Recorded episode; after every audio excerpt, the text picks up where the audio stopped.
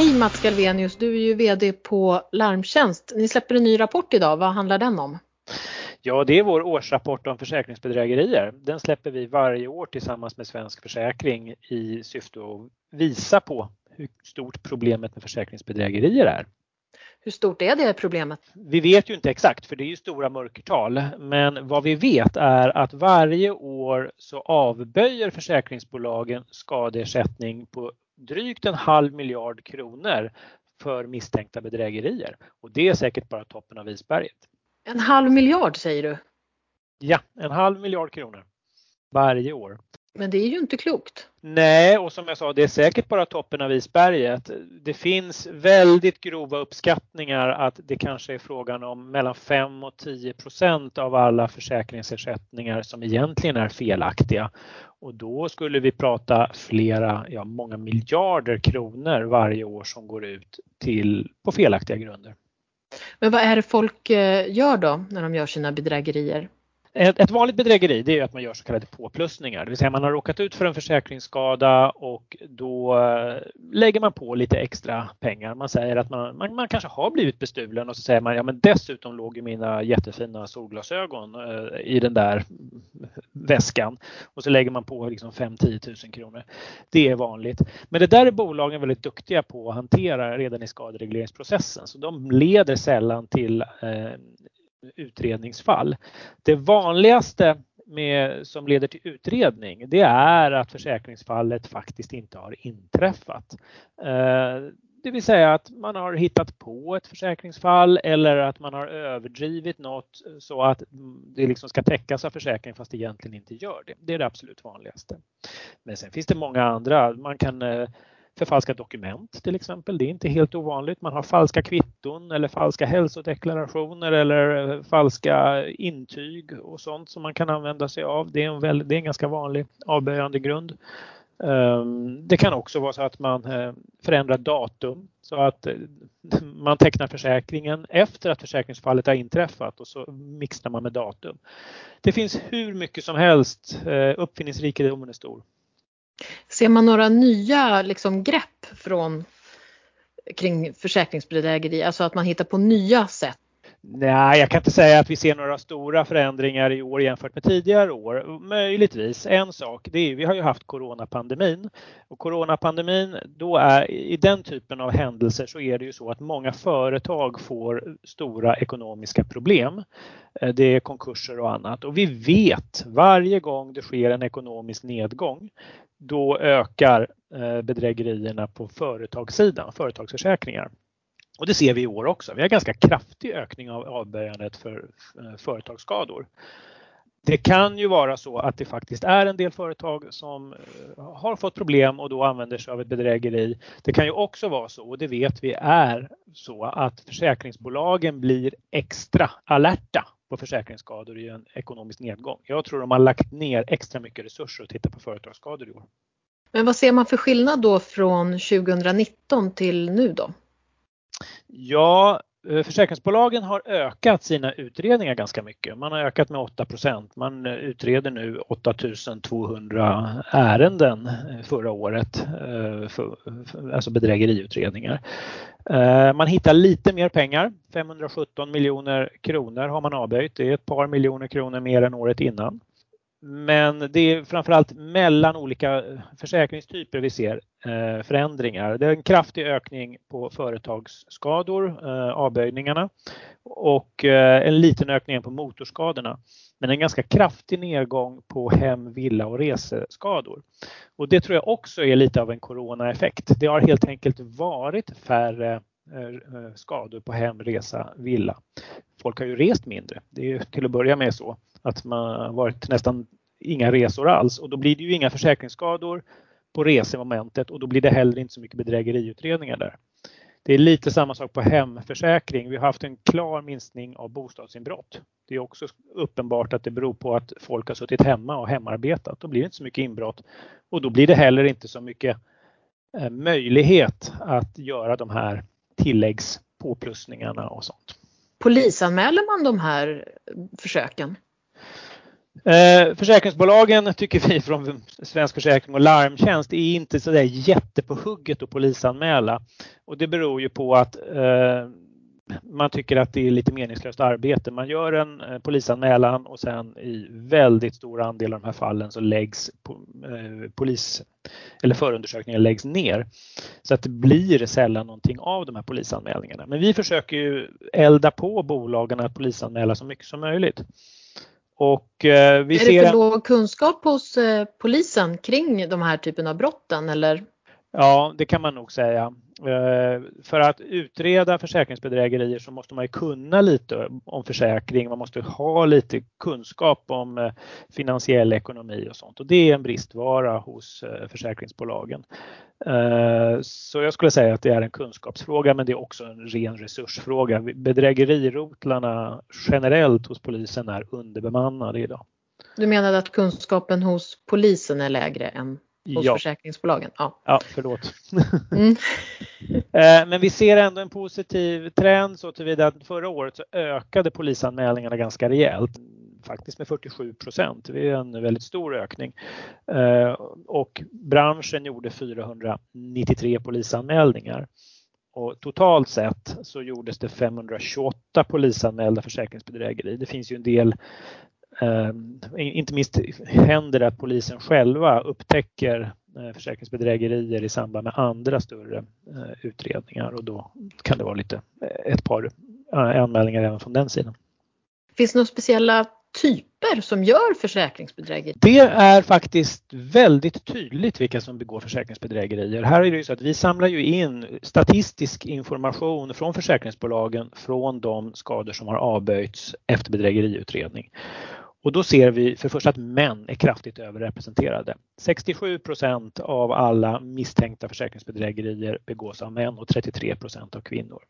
Nu är det ju för sig så att män är lite oftare försäkringstagare än vad kvinnor är, inte minst vad gäller motorfordon som är en stor bedrägerikälla. Men även om man rensar för det så är män tydligt överrepresenterade kanske ännu mer intressant är att de unga försäkringstagarna är kraftigt överrepresenterade jämfört med äldre försäkringstagare. 90-talisterna är nu de som är riktigt, eh, ska vi säga, tycks de riktiga vara, bovarna. Ja, de riktiga bovarna. Eh, de gör i förhållande till de antal försäkringar de har ungefär sex gånger så många försäkringsbedrägerier som 50-talisterna. Men vad beror det på? Ja, det kan man diskutera. Det har faktiskt alltid varit så. Vi har ju följt det här under en, en tid. Eh, tidigare var det 80-talisterna som var eh, de riktiga bovarna och nu är det 90-talisterna. Man kan ju fundera över det. Det kan ju vara så att man har lite sämre ekonomi eh, om man är 90-talist, man är student eller annat och har lite eh, dålig inkomst. Eh, det kan ha att göra med hur man ser på samhället och kollektivet. Man kanske är mindre solidarisk, eh, mer eh, ser till sin egen ekonomi snarare än till att det drabbar andra. Det är bara hypoteser, men vi ser nästan alltid det att de yngre är de som snabbast tar till bedrägerier. Och sen är det ett storstadsfenomen. Stockholmare skåningar och göteborgare är klart överrepresenterade medan landsorten är underrepresenterad. Särskilt Norrland, där är det väldigt få eh, försäkringsbedrägerier i förhållande till befolkningsmängden. Ni brukar ha några branschgemensamma kontrollaktiviteter. Vad har ni haft för någonting för 2020? Ja, förra året så bad vi branschen att eh, särskilt fokusera utredningarna på bilbränder. Bilbränder är ju ett problem för försäkringsbranschen. Eh, det kostar mycket pengar eh, och det är många bilbränder varje år. Eh, då ber vi dem att försöka leta ut det som kan vara misstänkta bedrägeribränder. Det är ju långt ifrån alla bilbränder som är bedrägerier utan många, det finns ju många bränder av naturliga orsaker och så finns det social oro och skadegörelse eh, där det inte försäkrings, alltså där det är olyckliga försäkringstagare som drabbas och har ingenting med det hela att göra. Men vi såg för en fem sex år sedan så var det ett antal sådana här kriminella nätverk som utnyttjade den här sociala oron. Man var i princip via Facebook och annat folk dra sina bilar eh, eller ta dem till eh, de ställen där man tänkte sig elda för att elda upp dem och så fick man ersättning för detta som ett sätt att bli av med bilar som kanske var svårsålda. Det här reagerade branschen hårt på 2017. Vi gjorde en stor satsning och särskilt i de områden där vi hade fått indikationer från polis och annat håll om att det här förekom. Eh, och det är klart, bilbränder som bedrägeriform är ju ovanligt korkad därför när du väl har bränt upp bilen då är den ju värdelös och får man då inte ut någonting av försäkringsbolaget då har man förlorat allting. Och det här tycks ha varit ganska framgångsrikt för just den här typen av bedrägeribränder, organiserade sådana, har minskat. Vi har betydligt färre sådana nätverk som agerar idag.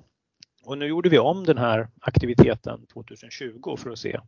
Och då hittade man helt enkelt inte alls lika många bedrägeribränder 2020 som år 2017. Eh, så det har minskat den problematiken. Hur arbetar ni branschgemensamt mot försäkringsbedrägerier? Ja, vi gör ganska mycket i branschen. Eh, dels ja, de kontrollaktiviteterna är ju en sån här eh, branschgemensam aktivitet.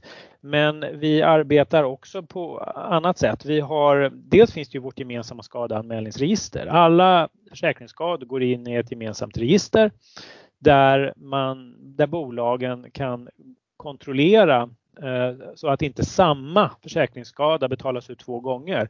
Man kan också se om det är någon försäkringstagare som har ovanligt många eh, försäkringsskador. Då är det en bra flagga för att utreda den skadan. Eh, så det är ett väldigt viktigt selekteringsinstrument.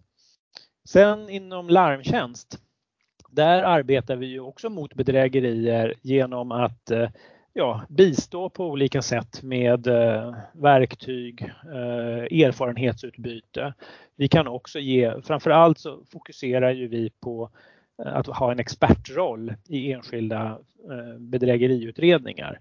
Vi kan tillhandahålla till exempel en brandutredare som hjälper till att kolla på eh, brandorsaker eller inbrottsut, göra inbrottsutredningar. Vi kan också tillhandahålla tekniska dokumentanalyser så att man undviker det här med förfalskade dokument.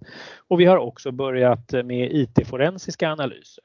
Man ska komma ihåg att på Larmtjänst så arbetar vi enbart med de tekniska analyserna. Vi håller inte på och utbyter personinformation och sånt utan det, allt sånt hanteras inom försäkringsbolaget. Men vi ger den tekniska expertrollen och det där är ganska viktigt för bolagen för de kan inte ha all den tekniska expertisen inhouse. Men ni gör någon typ av lobbyverksamhet också kanske? Absolut, lobbying är viktigt för oss. Vi eh, arbetar på att dels i förhållande till allmänhet och media tala om vad försäkringsbedrägerierna kostar. Eh, det är ju ett sätt att motverka på så folk förstår att det är inte gratis utan det som man, om man genomför ett bedrägeri så är det någon annan som får betala det, det vill säga de ärliga kunderna och det är ganska osolidariskt. Men eh, vi arbetar också med lobbying gentemot framförallt eh, polis och eh, övriga rättsvårdande myndigheter för att prioritera upp resurser och eh, kompetenser för att kunna utreda den här brottsligheten och lagföra de som begår den här typen av brott. Och naturligtvis i förhållande till regering och riksdag för att vi ska få ändamålsenliga eh, liksom straff eh, på den här typen av brottslighet. Eh, generellt så är det ju ett, eh, Eh, straffskalan är ju upp till sex års fängelse för ett eh, försäkringsbedrägeribrott. Så att vi har ju inga problem med straffskalan. Däremot tycker vi att det är mycket bekymmersamt att domstolarna egentligen bara dömer ut i lägre delen, egentligen allra lägsta delen av straffskalan. Eh, det är ganska sällan försäkringsbedrägeribrott ger fängelse överhuvudtaget. Och för en eh, 6-7 år sedan hade vi ett jättelikt eh, livförsäkringsbedrägeri på, jag tror det var 47 miljoner man försökte få ut. Och då hamnade straffet på tre år, det vill säga mitt i straffskalan. Och då brukar jag ställa mig frågan, vad ska man då göra för att hamna i den övre delen av straffskalan? Det är ju nästan i praktiken omöjligt när man har satt halv, halva straffet eh, på en sån extremt hög nivå. Det där tycker jag man måste fundera över från eh, domstolarna i det här fallet, men om man nu kanske också ska justera straffskalan.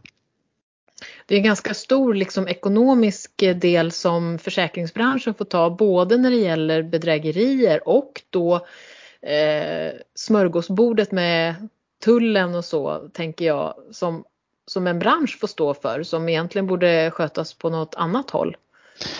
Ja, det är ju klart att brottsligheten kostar ju försäkringsbranschen väldigt mycket pengar. Eh, stölder och andra tillgreppsbrott kostar storleksordningen 3 till 5 miljarder per år och sen tror vi då att bedrägerierna ligger i kanske samma härad. Och det är klart, Eh, det blir mycket pengar och det är ju pengar som i slutändan hamnar på försäkringskunderna genom premierna. Så skulle vi kunna trycka ner brottsligheten i samhället och motverka både bedrägerier och stölder, då skulle ju försäkringarna bli billigare. Men framförallt skulle vi få ett oerhört mycket tryggare samhälle. Det är ju också så att både när det gäller stöldligor och bedrägerier så är det ju mycket organiserad kriminalitet som ligger bakom det här. Och eh, de har vi ju egentligen inget som helst intresse av att hjälpa, vare sig som försäkringskunder eller försäkringsbolag.